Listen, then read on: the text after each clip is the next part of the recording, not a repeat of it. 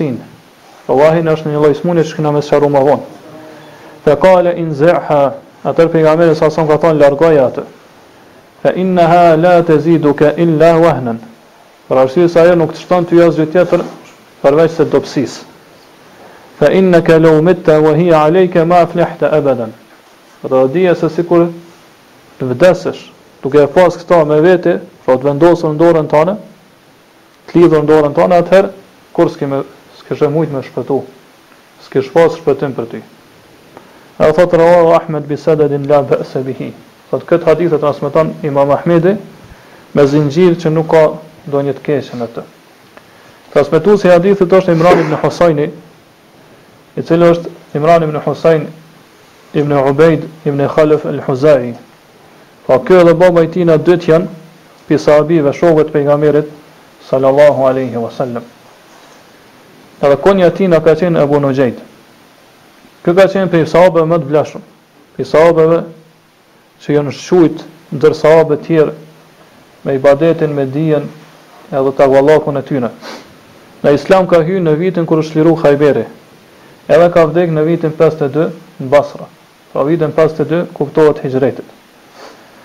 Kjo po transmeton se pejgamberi sallallahu alajhi wasallam e ka pa një njeri, do thotë në hadith nuk po e emërton kush ka qenë ky njeri. Po po e përmen në mënyrë arabisht quhet mubhem, do të thotë pa emër. Qëllimi pra ka qenë që na me përfitu prej kësaj ngjarje, Pra me me kuptu se cili është vendimi islam për këtë çështje. Pra qëllimi i këtij sahabiu ka qenë që neve me na sqaru çështjen edhe cili është vendimi islam për atë i cili e lidh apo e ngjet një rreth për me ia largu një të keqe apo m'u mbrojt prej sajna. Mirpo në disa transmetime tjera ë transme, përcillet se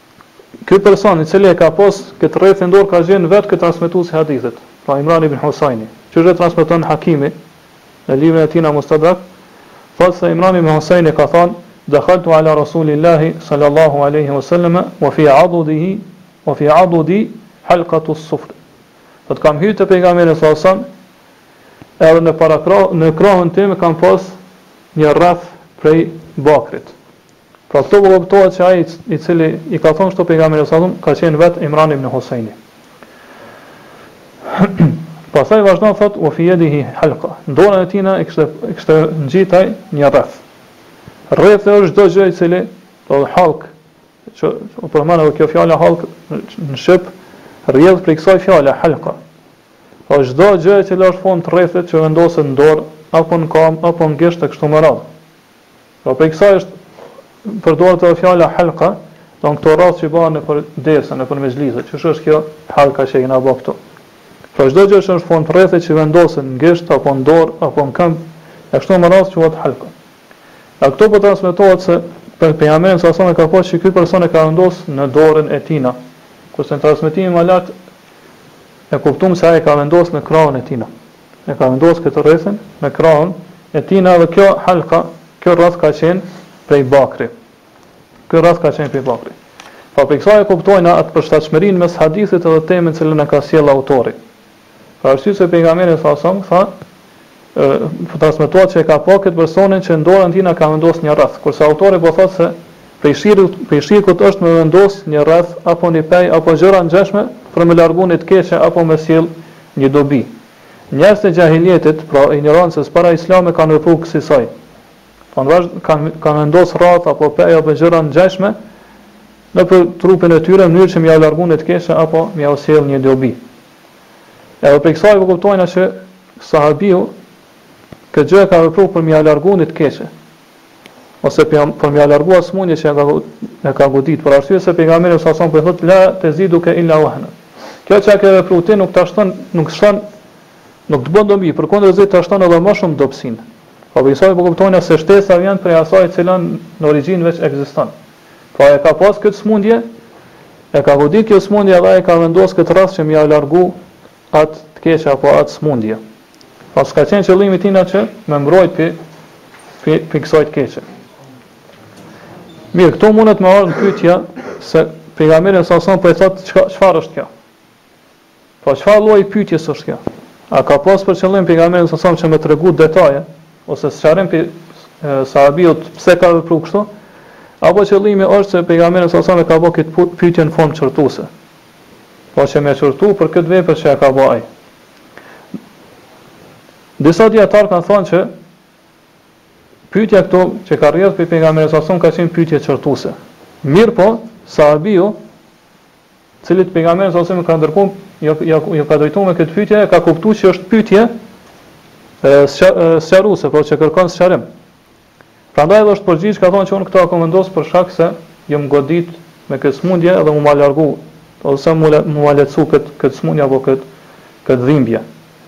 Kurse disa tjerë pe pej dijetarëve kanë thonë që kjo pyetje mundet mu interpretu edhe do të thotë mundet mu interpretu si pyetje që kërkon sqarim apo si pyetje qortësu qortuse. Dyjat prej këtyre mundën të kuptohen ose të interpretohen me to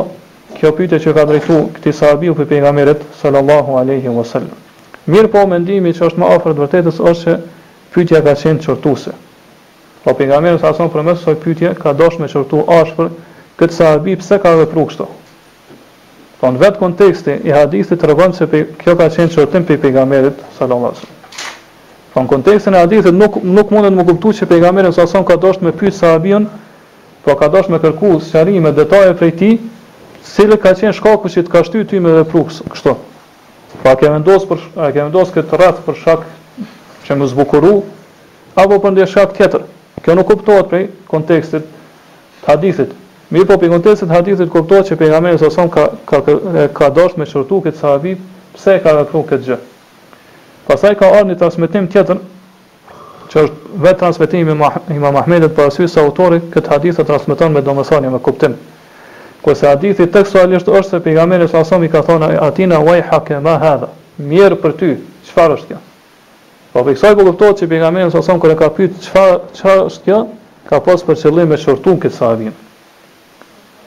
Po qëllimi i kësaj kësaj që tham është se kjo pyetje që është drejtuar prej pejgamberit sa sa nuk ka mundësi po vetëm të se aty nuk ka mundësi të interpretohet se pejgamberi sa sa ka kërkuar detaje apo sqarim për pejgamberin sa sa mirëpo qëllimi i pyetjes ka qenë që pejgamberi sallallahu alaihi wasallam me këtë pyetje ka qortu këtë sahabi të nderuar. Prandaj edhe nëse themi që pyetja mundet të interpretohet ashtu edhe kështu sipas dy mendimeve të dijetarëve, Prapë themi se në përgjigjen e sahabiut kur e ka dhënë që unë e kam vendosë këtë për shkak që me ma largu këtë sëmundje, do thotë përcaktohet shkaku pse sahabiu e ka vendosë këtë këtë rreth. Pra përcaktohet shkaku edhe specifikohet shkaku pse sahabiu e ka vendosë këtë rreth në dorën e tina. Pra shkaku ka qenë se ai zemra e tina është lidhë për këtë rreth.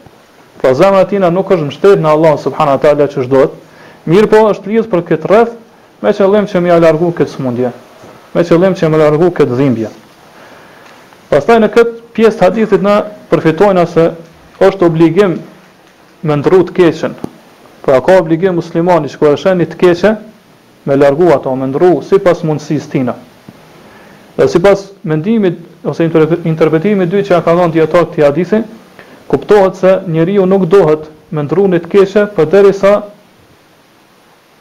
ta kupton se cili është qëllimi që ai person po e vepron këtë të keqe. Po ka mundësi që njeriu, po pra kjo është kur çështja mundet me me pas dy kuptime ose më shumë.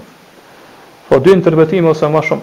Ka mundësi që njeriu me kuptu, me pa një të keqe dhe me mendu që është e keqe, mirë po në origjinë ajo është nuk është e keqe. Kështu që nëse ngutet edhe ndrron ato atëherë ka me ba dëm më shumë se sa dobi. Prandaj njeriu ka obligim së pari me pyet rreth gjendjes. Po çysh ka vepru pejgamberi salallahu alejhi ve selem po e pyet çfarë është kjo, pra pse ke vepru këtë? Po nëse qëllimi është kur e ke vendosur këtë rrath ka qenë i keq, atëherë është obligim që ti me ndrru atë keqe, me ndryshu atë keqe. Edhe sahabiu po thotë, unë e kam vendosur këto minel wahine, për shkak se më ka godit, wahina është një lloj sëmundje, e cila do thotë e godet dorën zakonisht. Thonë ose parakrahën ose krahën ose supin. Kjo është një, një smundje e cila shkakton dobësi në trup. Pra gjithë trupi ligështohet e do thotë njeriu kur goditet me këtë smundje shtrihet krejt për tokë. E ky sahabi po tregon se këtë rrath e ka vendosur që me ia largu këtë smundje apo me ia lehtësu ato. Nganjëherë, do thotë, njerëzit e xhahilijetit, periudhës së injorancës paraislame kanë vendosur dhe rruza në vend të rrathëve, edhe i kanë quajtur rruzat e wahinës, pra rruzat që me la, që e largojnë këtë dobësi. Pra kanë njerëzit e xhahilijetit, pra injorancës kanë pretenduar që këto rrathë ose këto rruza ja u largojnë smundjen apo ja u largojnë dhimbjen apo ja u lehtësojnë ato. Edhe kjo smundje zakonisht i godet burrat edhe jo gratë.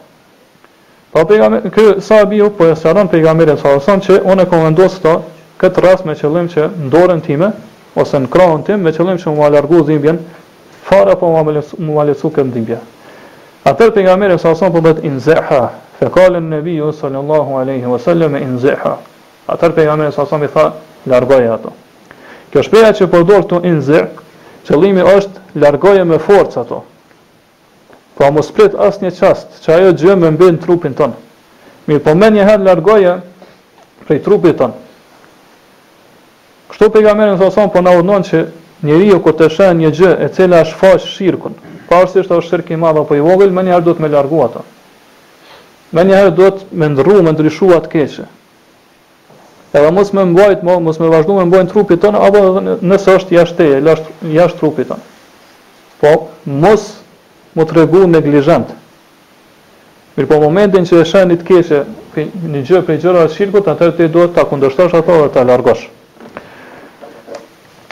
Po, prej kësaj po kuptojmë që Kur pejgamberi salallahu alejhi ve selem po mundon me largu këtë keqe ose me largu këtë rrath, atëherë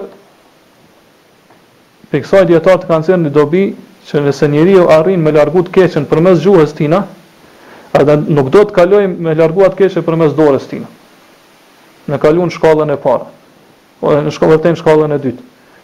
Pra nëse ka mundësi me ndru me, do, me dorën e tina, me, me, me gjuhën e tina, atëherë nuk do të kalojmë ndryshimin asoj të keqe me, me ndryshu me, me dorë. Për arsye se pejgamberi sa sam këtë rast i ka takuar drejta pushtetit. Edhe ka pas mundësi që me largu këtë keqe, me dorën e tina. Mirëpo, pejgamberi sa sam e ka ditë që ky sahabiu i bindet urdhën e tina. Edhe kur e ka urdhnuar dhe i ka thonë heqe ato, largoje atë atë rreth dhe ka ditë që sahabiu menjëherë e zbaton urdhën e tina pejgamberi sa sam është mjaftuar me kaq. Edhe nuk ka kalu do thon ndryshime të keqes me dorë. Edhe pse më vonë kena me marrë një hadith ku Hudhejfe, shoku i pejgamberit sa sam, njërit prej njerëzve, prej, prej njerëzve që ka qenë prezent, ja ka këput me dorë një pe që e ka pas lidhun në dorën e tina. Mirëpo kjo është një gjendje tjetër. Po pse ka vepruar ashtu sahabiu, do nuk bin kundërshtim këto dy hadithe. Sahabiu ka vepruar ashtu, qysh kena me sqaru inshallah në t'ardhmen, për arsye se gjendja ose ajo vepra e tij është ndërtu, është bazuar në një gjendje tjetër. Inshallah ato këto do ta sqarojmë në t'ardhmen. Pastaj hadithi, të cilën transmeton autori qysh thamë edhe më lart, autori transmeton me domethënie, kurse teksti shprehja që u përdor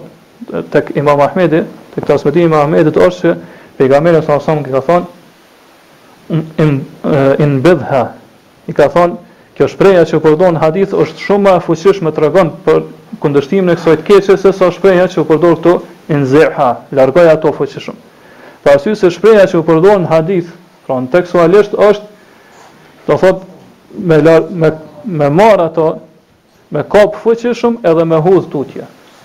Po me kap me me, me kap fuqishëm, me largu prej trupit ton fuqishëm edhe me hedh tutje. Pra po për kësaj, kjo na jep një kuptim më të fuqishëm në kundërshtimin e kësaj të keqe. Pra nuk mjafton vetëm me largu, mirëpo edhe me hedh tutje fare, mos me pas ma punë me atë, me atë gjë. Pastaj pejgamberi sa sam po e sqaron ose po tregon shkakun pse duhet me largu këtë shirk të vogël, këtë rreth, ose gjërat që janë të kësaj natyre. Thotë fe inneha la teziduke illa wahnen.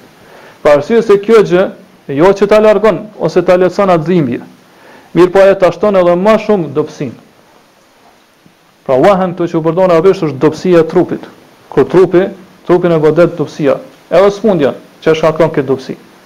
Pra ajo jo që ta largon, mirëpo dëmi i saj është më i madh, më afër se sa dobia. Ajo nuk ta largon dobësinë, mirëpo ta shton edhe më shumë këtë dobësi. Në këto ka në këto fjalë pejgamberi sa sam ka argument që ngjitja apo vënia e këtyre gjërave, qysh janë rrathët, pejt, gjëra të tjera me qëllim që me largu të keqen, në në në esencë ka kundër efekt.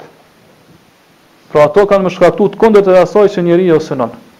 Po njerëz zakonisht këto i ngjesin në mënyrë që mu larg mu mbrojt prej sëmundjeve, prej mysyshit, prej të këqijave dhe gjërave të tjera, apo nëse i ka godit me jau lehtësu dhe me ja largu ato. Mirëpo, Këto në, në fakt, pra në esencë këto vetëm ia shtojnë edhe më shumë këto sëmundje apo këto të këqija, jo që ia largojnë ato. Edhe këto mundemi me pa, gjithsesi kjo është shumë e qartë edhe e dukshme tek ata të cilët i përdorin këto gjëra, ose i vnojnë këto gjëra, i veshin këto gjëra në trupin e tyre. Ata vazhdimisht janë në dëshpërim, vazhdimisht janë në frikë e kështu me radhë. Mirëpo ai i cili është i mbështetur në Allahun subhanahu wa taala e shohim që ai, do thotë për vazhdimisht është aktiv, Por ambiciet i ka të larta. Shpirti i tij na do të është i qetë. Do thotë brendësia e tij, në brendësinë e tij na e gjen prehje. Jo si kur ai i cili frikësohet dikujt tjetër përveç Allahut subhanahu wa taala. Edhe, do të thotë, i vendos këto këto pej, këto lidhje, këto rrathë e kështu me radhë. Ai është, do të thotë, i dobët edhe në shpirtin e tij na, edhe në trupin e tij na, edhe vazhdimisht është në ankth, është në dëshpërim, pikëllim e kështu me radhë. Për arsye se ai frikësohet çdo gjëje. E ai që i frikësohet Allahut subhanahu wa taala është i fortë si shpirtërisht po ashtu edhe fizikisht. Prandaj nëse dikush pyet edhe thotë që këto fjala pejgamberit salallahu alejhi selam ku thotë la teziduke illa wahnan, këto gjëra nuk shtojnë asgjë tjetër përveç se dobësisë, dihet që këto gjëra nuk kanë efekt hiç. Do thotë qysh në esencë në origjinë ato nuk kanë efekt. Njeriu vetëm mundet mundet me hamendësu efektin e tyre. Mirëpo Allah subhanahu teala nuk i ka bërë këto gjëra me pas efekt. E këtu pejgamberi sa sa po po tregon se ato e kanë një efekt. Po thotë se ato ta shtojnë smundjen apo ta shtojnë edhe më shumë dobësinë. Qysh i, i përgjigjemi kësaj? Dijetarët i kanë dhënë disa përgjigje. Njëra prej tyre është se Allah subhanahu teala këto e bën si ndëshkim për atë person. Pra ai i cili e vendos këtë gjë në trupin e tij na për me largu këtë të keqe, apo për me lehtësu apo për me mbrojt para se me i ndodh kjo e keqe, atëherë Allah subhanahu wa taala për shkak të këtij shirku e ndëshkon ato. Edhe jo që ja largon atë keqe mirëpo do thot ja ja ja dërgon të kundërtën e saj. Pra ja shton edhe më shumë të keqen. ja shton edhe më shumë dobësinë kështu me radhë. Po disa dijetarë kanë thonë kjo kjo kurse disa të tjerë kanë thonë se kjo është vetëm si një farë lloj supozimi prej pejgamberit sallallahu alaihi wasallam. Pra pejgamberi sa sa ka thonë se sikur të supozohej se kjo gjë ka efekt, atëherë efekti i saj na është që ajo do të dëmtojë ty, në, do thot, në trupin tënd, në shpirtin tënd dhe në, në psikikën tënde. Po kjo gjë nëse e vendos në, në trupin tënd, atëherë ka me ta dobsu trupin tënd, edhe psikikën tënde, do thot ka me dobsu shpirtin tënd, edhe psikikën tënde, do thot, karshi apo përballë dobsisë dhe smundjes. Po shpirti dhe psikika jote ka me, ka me qenë e dobt, Prandaj, do thotë vënia e këtyre gjërave, rrathëve apo pejve dhe kështu me radhë, janë shkak apo arsye që njeriu jo me arrit edhe më, do thotë me iu shtu edhe më shumë sëmundja. Pra qysh ka, qysh ndikojnë këto gjëra në psiqikën e njeriut, kur ai do thotë lidhet pas këtyre gjërave. Po pa dysh, pa patjetër që ato kanë me ndiku negativisht, negativisht në psiqikën e tij, edhe kanë me e dobësu shumë ato psiqikisht. Për arsye se ai Do thotë kur lidhet pas tyre gjëra dhe mbështetet në ta atëherë e harron mbështetjen në Allahun subhanahu wa taala. Edhe kjo është një ndjenjë shpirtërore apo ndjenjë e psiqikës së njerit që patjetër ka efekt në në dobësimin e njerit. Për shembull, njeriu nganjëherë hamendëson që është smut. Do thotë ai është shumë mirë, nuk ka kurrfarë smundje. Mirëpo fillon do thotë me pas një ndjenjë psiqike që ai e ka kapluar një smundje. Edhe kjo ka efekt t'fuqishëm tek njeriu. Vetëm se do thot fillon me me mendu dhe me hamendësu që ai ka një smundje kjo e godet ato. Kjo smundje e godet ato. Kjo do thot e, e përmendën edhe dietar, por edhe mjekësia bashkëkohore e ka vërtetuar këto. Ose të kundërtën, kur njeriu ka një smundje dhe mundohet me harru ato dhe harron, atëherë pas një kohe i kalon ajo smundje dhe edhe shërohet prej saj. Pra ndjenja e psikikës apo ndjenja shpirtore ka efekt në këto gjëra tek njeriu. Pra edhe në këtë rast do thot kur njeriu do thotë e lidh këtë rreth n'dorën e tina apo perin e kështu me radh, atëherë ajo ka, do thotë, efekt psiqik ose ka efekt në psiqikën e tina, duke e dobësu psiqikën e tina, e dobëson edhe shpirtin e tina. Qysh në fillim të çështjes. Prandaj shumica e atyre që kanë probleme psiqike, shkaku është ky. Po, pra, shkaku është se ata ose arsyeja pse ata kanë probleme psiqike është se ata fillimisht do thotë janë t'dobt në shpirtin dhe psiqikën e tyre. Fillojnë me hamendësu gjëra, fillojnë me hamendësu do thotë sëmundje kështu me radhë dhe do thotë a, vërtet pastaj ndodh që në realitet ata mu smu dhe mu dobësu në psiqikën edhe në trupin edhe shpirtin e tyre. Pra ai i cili i vesh apo i ngjet apo i vënon këto rrathë, këto peje kështu me radhë, atëherë ato në realitet Sipas kësaj, këtij kuptimi që e kanë dhënë dijetarët, nuk i shtojnë atij tjetër veç se dobësi, veç se sëmundje, për arsye se ai patjetër ka me besu bindshëm që përderisa e ka këtë rreth, apo përderisa ka këtë pe, apo përderisa ka këtë rruzë e kështu me radhë, atëherë do të jetë i shëndoshë. Edhe nëse, pra prapë beson që nëse i largohet kjo, ky rrethi apo peri e kështu me radhë, atëherë ai do thotë do të smuhet apo do t'i kthehet dobësia e kështu me radhë. Padyshim që kjo është tregon për një dobësi në shpirt dhe në psiqikën e tij. Edhe kjo çështje i përfshin gjitha llojet e shirkut. Pra njeriu sa herë që të bon shirk, Pavarësisht a është shirk i madh apo shirk i vogël, atëherë dëmi i këtij shirku është më i madh se sa dobia nëse supozohet se ka dobi në atë shirk. Pra, kjo gjendje i përfshin, e përfshin çdokund i cili e bën shirk. Pra ai i cili bën shirk, shirku i tij na e dërgon prej një dëmi në një dëm më të madh, edhe pse ai mundet me hamendsu që në atë gjë, në atë shirk ka dobi për të. Prandaj këto shkaqe të cilat njeriu i merr Pra, disa prej njerëzve, kur bëjnë shirk edhe i marrin këto shkaqe, që janë rrathë, pejtë e kështu me radhë, janë shkaqe të cilat sheriati, feja, do thotë, as sheriati e as praktika, përvoja nuk kanë treguar që kanë efekt, pra, kur nuk ka mundësi që njeriu me pas dobi prej këtyre shkaqeve.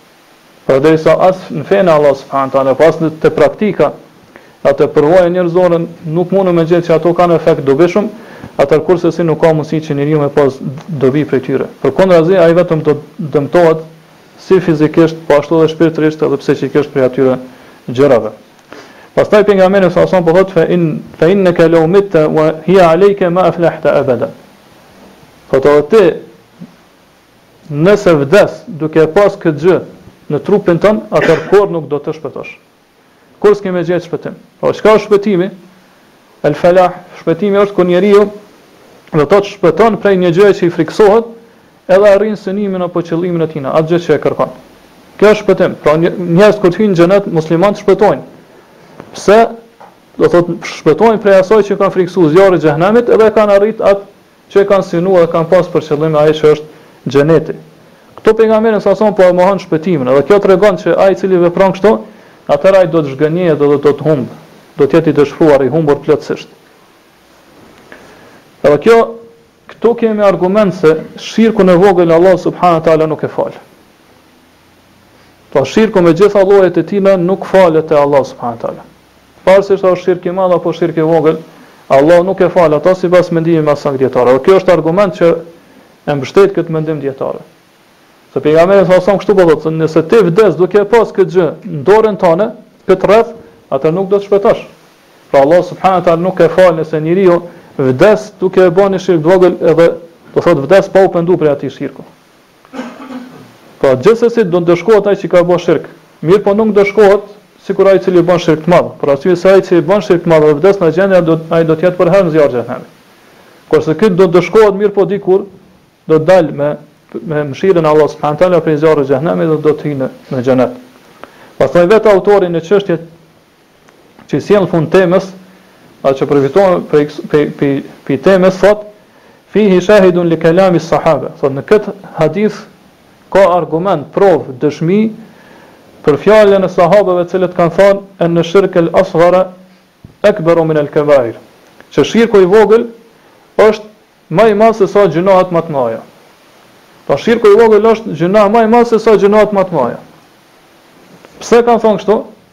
Për arsye se, do të thotë, gjynahet e tjera që janë prej gjynaheve, prej mëkateve të mëdha, edhe nëse janë të mëdha, përderisa nuk janë shirk, ato nuk e mangësojnë apo nuk prekin në akiden, besimin e njeriut. Kurse shirku i vogël e prek, e cenon akiden, besimin e njeriut. Për këtë arsye, gjynahet e mëdha, do të thotë, nëse një njeri vdes pa u penduar prej tyre, atëherë ai do të jetë nën dëshirën e Allahut në ditën e gjykimit. Nëse don Allahu e fal,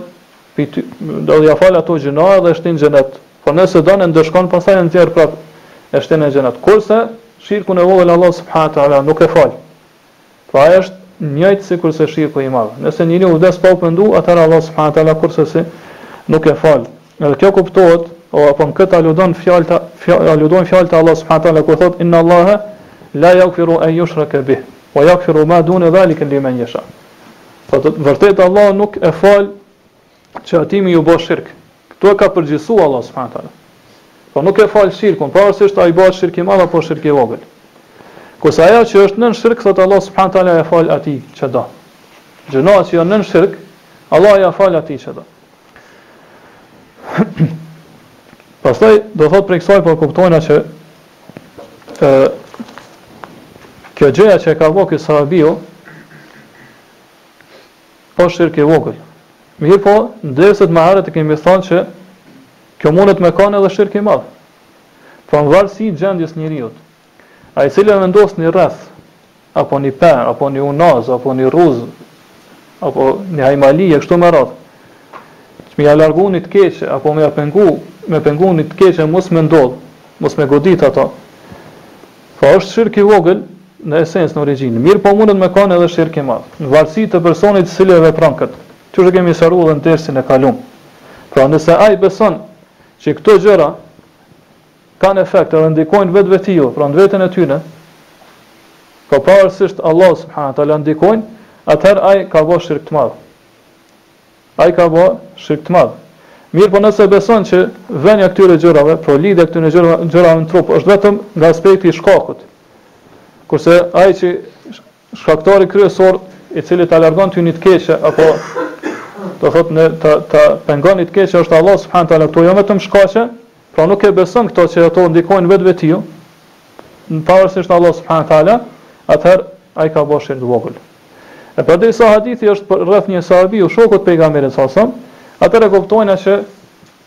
Kjo që u përmend në hadithin e pejgamberit salasem është shirk i vogël. Pra kjo që u përmend në këtë hadith është shirk i vogël. Po ashtu përcaktohet, për arsye se nuk ka mundësi që sahabiu me besu, pra që këto gjëra veprojnë vetvetiu. Sahabiu, sahab, shokët e pejgamberit salasem e kanë ditë që vetëm Allahu është ai i cili largon të keqen, apo do thotë e pengon ato mos me ndodh. Mirëpo, këtë gjë ai nuk ka pas dije rreth kësajna, Edhe ka mendu vetëm si shkak, si arsye që ia arrin kësaj, këtij synimi apo apo këtij qëllimi të tina. E Pejgamberi salasem kur ka thënë ma aflehte ebeden, nëse ti e vendos vdes në këtë gjendje kurrë s'do të shpëtosh, ka këto fjalë Pejgamberi salasem i ka thënë me qëllim që me marr të tjerët mësim. Si sa, si ky sahabiu po edhe tjerë që e dëgjojnë, e ata tjerë që do ta dëgjojnë, edhe na që po e dëgjojmë e ata tjerë që do ta dëgjojnë deri në ditën e gjykimit. Pra pejgamberi salasem ka dashur me tregu cila është pasoja e kësaj. Nëse ti e vendos një gjë, të cilën sheriati nuk e ka caktuar si shkak që ta largon ndonjë të keqe, gjithashtu edhe përvoja tregon se nuk ka ajo kurrfarë efekti, kurrfarë ndikimi, atëherë ti kurrsesi nuk do shpëtosh. Pra ti kurrsesi nuk do të jesh prej të shpëtuarve. Edhe ky shpëtim që pejgamberi salasem e ka mohu në këtë hadith dallon pra ndryshon sipas gjendjes të personit.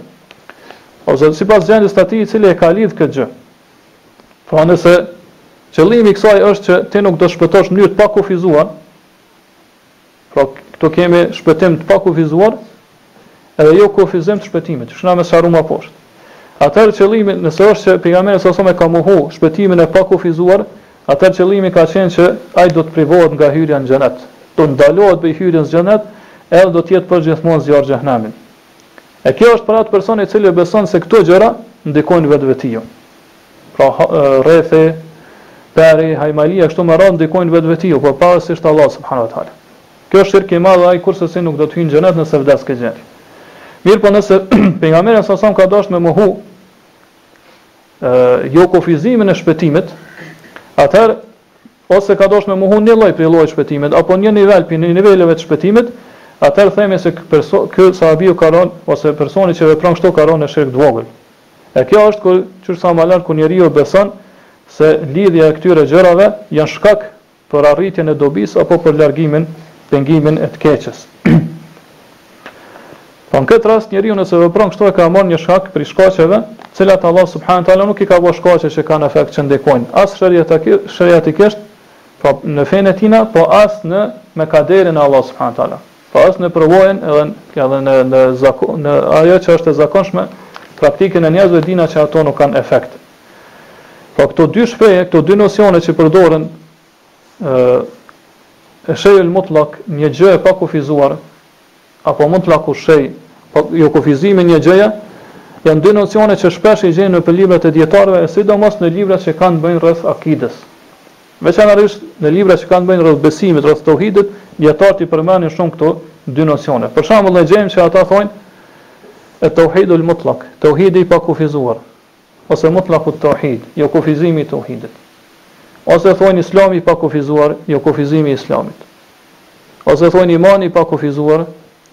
ose jokufizimi i imanit, ose shirku i pakufizuar, ose jokufizimi i shirkut, ose shpëtimi i pakufizuar, qysh kem n'hadith, ose jokufizimi i shpëtimit, ose hyrja e pakufizuar, pra në xhenet, ose jokufizimi i hyrjes.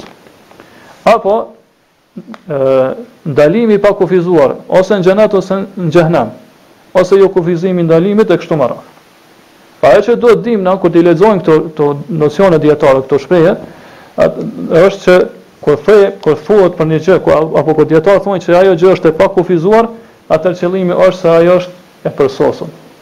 Pra qëllimi është i përsosur. Për shembull kur thonë imani, besimi i pakufizuar, atëherë qëllimi është imani i përsosur.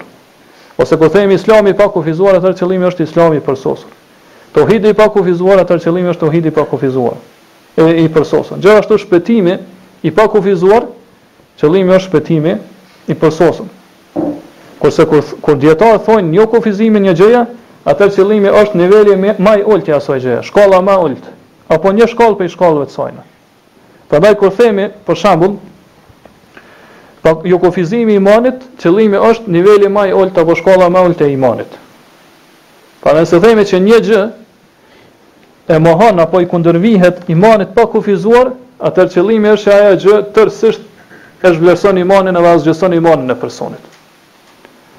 E kur thuhet që një gjë do thotë i kundërvihet edhe kundërshton Jo kufizimin e imanit, atëherë qëllimi është që e kundërshton nivelin më të ulët të imanit, ose një shkallë prej shkallëve të imanit.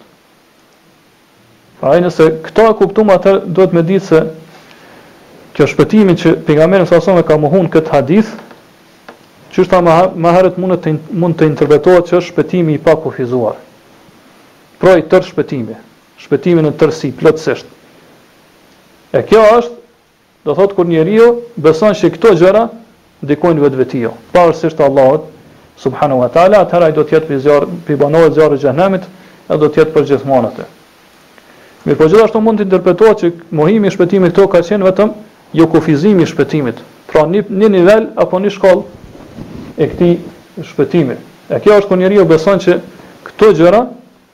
Do të thotë ndikojnë janë vetëm i beson vetëm nga shkaku nga aspekti i shkakut. Janë vetëm shkaqe që ndikojnë ato. Kurse Allah subhanahu teala është ai që largon të keq. Atër themi që në këtë rast ky person prap do të hyj, do të ndëshkohet në zjarrin e xhehenemit. Mirëpo, nuk do të jetë përgjithmonë aty. Qysh është gjendja do thotë me mëkatarë të tjerë prej muvahidinve, prej atyre që e njësojnë Allah subhanahu teala. Ky ka ba shirk të vogël, mirëpo nuk do të jetë përgjithmonë në zjarrin e Xhehenemit. Gjithashtu prej këtij hadithi përfitojna që ajo që merret në konsideratë te veprat e njeriut është përfundimi i tyre. Për këtë arsye pejgamberi sallallahu alaihi wasallam po thotë lau mitte wa hiya alejk ma eflehte ebede. Nëse ti vdes edhe kjo gjë është në dorën tënde, atëherë ti kurrsesi s'do të shpëtosh. Pra këtu pejgamberi sa sa po tregon se nëse e po e po kuptohet prej hadithit që ky sahabiu e ka largu këtë me urdhrin e pejgamberit sallallahu alaihi wasallam e para vdekjes. Edhe nëse njeriu vepron kështu dhe pendohet, atëherë kjo gjë nuk e dëmton. Nëse njeriu vepron kështu dhe edhe pendohet para se me vdek, atëherë kjo gjë nuk e dëmton. Edhe pse ka bërë shirk, Atëherë, ai që pendohet, thonë dietarët, është sikur ai që nuk ka gjynah fare. Kur njeriu pendohet për një mëkat e për një gjynah, atëherë është sikur ai person që nuk ka bërë gjynah fare. Pra prej këtij hadithi po e kuptojna që nuk është për kusht, nuk është kusht që njeriu me kon wali i Allahut, me kon i dashur mik i Allahut që ai mos me pas mos me bë kurrë gjynahe. Përkundrazi ky ka qenë sahabi shok i pejgamberit sa sa edhe prej evliave të Allahut do prej miqve t'dashurve të Allahut subhanahu teala mirëpo ka bë këtë gjynah.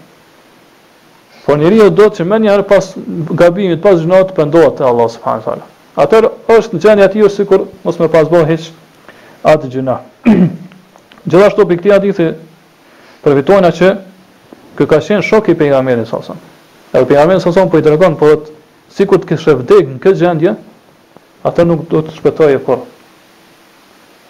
Pra këtu ka kundërpërgjigje ndaj atyre të cilët janë mashtruar edhe lavdrohen me të parët e tyre,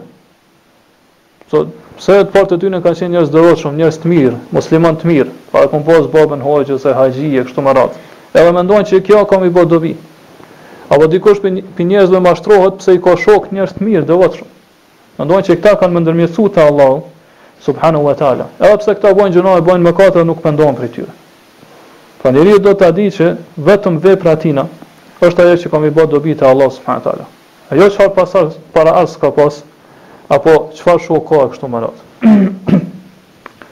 pra dëshmia prej këtij hadithi është shumë e qartë që pejgamberi sa sam e ka qortu edhe e ka kundërshtu e ka refuzu vënien e rrethit apo perit edhe gjërat e ngjashme me qëllim që ato me e largu të keqen. Edhe po atë njofton, po na tregon që këto gjëra Atij personi që i vepron nuk ia shtojnë, nuk i, nuk e, nuk e shërojnë apo nuk ia pengojnë të keqen, përkundrazi ia shtojnë edhe më shumë sëmundjen, ia shtojnë edhe më shumë dobësinë, dhe kështu me radhë, edhe nëse njeriu e vepron këtë, atëherë kurrsesi s'do të shpëtojë. Pra këtu kemi argument që vënia e këtyre gjërave apo lidhja e tyre është haram, është e ndaluar. Nëse njeriu do thotë i vendos për këtë arsye, për këtë shkak, Do që me ia largu të keqen apo me pengu të keqen mos me e godit ato. Njëjtë me këtë është kur njerëzit po lidhin edhe penj në në kofshët e tyre apo në këmbët e tyre apo rruzat tek fëmijët apo hallka të ndryshme apo syrin e kaltër e kështu me radhë që vendosin te fëmijët që me mbrojt prej smundjeve apo me mbrojt prej mësyshit apo prej gjërave tjera. Krejt hyjnë në këtë kuptim, apo krejt hyjnë në këtë hadith të pejgamberit sallallahu aleyhi wasallam. Edhe në fund autori po thotë rawahu Ahmed.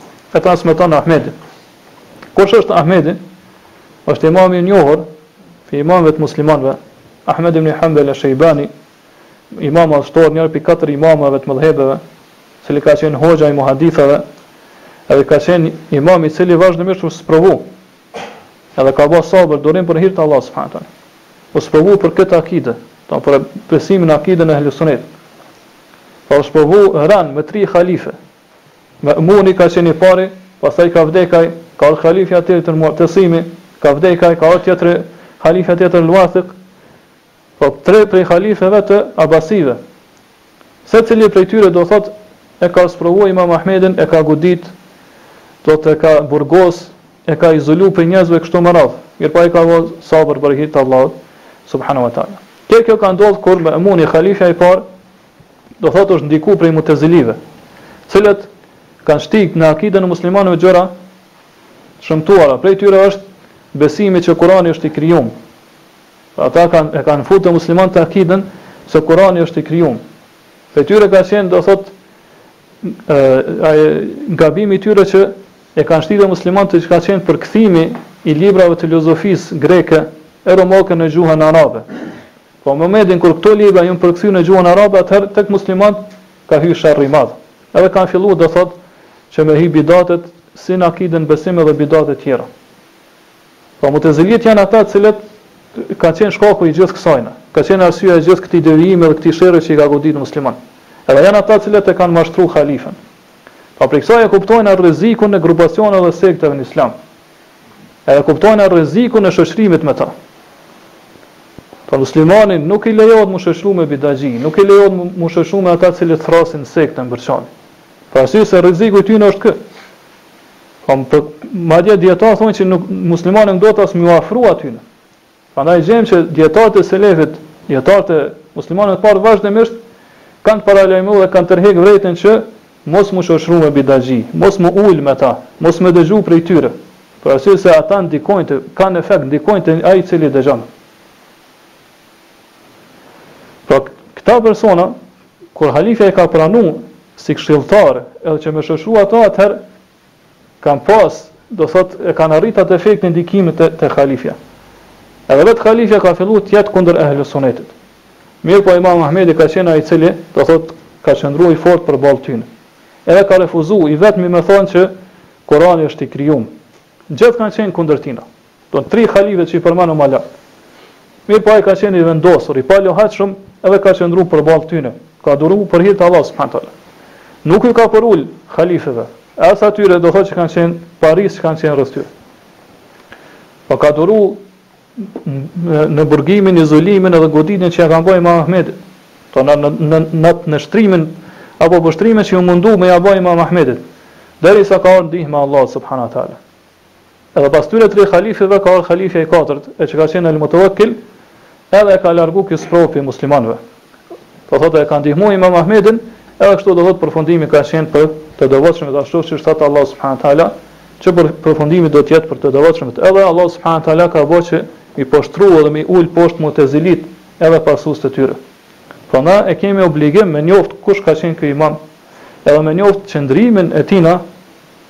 mënyrë që ne me pasu, me ndjek atë në në këtë qëndrim. Edhe me ditë se ky duhet të jetë edhe qëndrimi jonë ndaj grupacioneve, xhemateve edhe sekteve që kanë dalë në Islam, të cilat e kundërshtojnë do thotë drejtimin, rrugën e ehli sunetit dhe xhematit. Nuk duhet të jemi të lehtë me ta, të tregojmë lehtësime. Dhe nuk duhet të bijmë në atë grackën e tyre që kanë thanë na ose në atë mision e tyre të bashkimit apo unifikimit të umetit. Pra kështu thonë disa prej tyre që na qëllimi jonë është me bashku umetin jo me përça. Na nuk themi kështu. Po na ne themi që duhet me dallu të kotën, të vërtetën prej të kotës. Duhet me dallu hakun prej batilit. Pra na jena ata që e pasojmë të vërtetën, pra që e pasojmë sunetin e pejgamberit sa sa. Edhe na jena me ata që e pasojnë sunetin e pejgamberit sa sa. Edhe nëse janë pak. Kurse nuk do të jemi me ata që e pasojnë kotën edhe nëse janë shumë. Pra Imam Ahmedi ka qenë i vetmi. Ky është qëndrimi i saktë që duhet kem ta ketë çdokush që pretendon që është pasues i sunetit. Imam Ahmedi, Imam Ahmedi ka qenë i vetmi po që ka qëndruar në krye të umetit dhe u përball me këtë të keqe. Ka qenë i vetëm, nuk ka qenë askush me të. Mirëpo e ka përballu, do thotë edhe ka kundërshtu këtë keqe deri sa ka arrit ndihma e Allahut. Po pra njeriu duhet që nëse do thotë thirr të vërtetën dhe mbron të vërtetën, atëherë patjetër ka me ka me godit e keqja. Patjetër ka me godit do thot ka me pas ofendime do thot pi tjerëve të këqija e kështu me radhë mirëpo ai duhet bëjë sabër, do të durojë, edhe të qëndrojë i paluajtshëm kët. Por deri sa je në hak, por deri sa je në të vërtetën, atëherë ty nuk duhet të të interesojë çka çka të godet ty në këtë të vërtetë. Ashtu qysh kanë vepru, do thotë, gjithmonë muslimanët prej pejgamberit salallahu alejhi selam, e deri, do thotë, muslimanët e parë e kështu me radhë, edhe, do thotë, Imam Ahmedi dhe imamë tjerë që kanë ardhë pas tina që jon sprovu për hir të Allahut subhanahu wa taala, për hir të kësaj feje, mirëpo ata kanë bërë sabër dhe kjo gjë patjetër ka m'u shkru në në veprat e mira, ka m'u regjistru në veprat e mira tua, e do të peshojë rëndë në në peshorën e veprave tua në ditën e gjykimit. Po këtu autori po thotë këto e transmeton Imam Ahmedi në Musnedin e tij. Edhe po thotë me zinxhir që la ba'sa bihi, nuk ka asgjë të keqe. Dikush mundet me thonë që këtu autori do thotë kur po thon nuk ka gjë të keqe, nuk po thotë që senedi i tij, zinxhiri i këtij hadithi është sahih, është i saktë. Kështu si sikur po don me sinjalizu që ka diçka në këtë hadith. Dhe kjo është e vërtet, mirëpo hadithi është i saktë. Prandaj këtë hadith që thamë edhe ma lart e transmeton Hakimi, në librin e tina Mustedrek e po thotë sahihul isnad. Zinxhiri, isnadi i këtij hadithi është i saktë.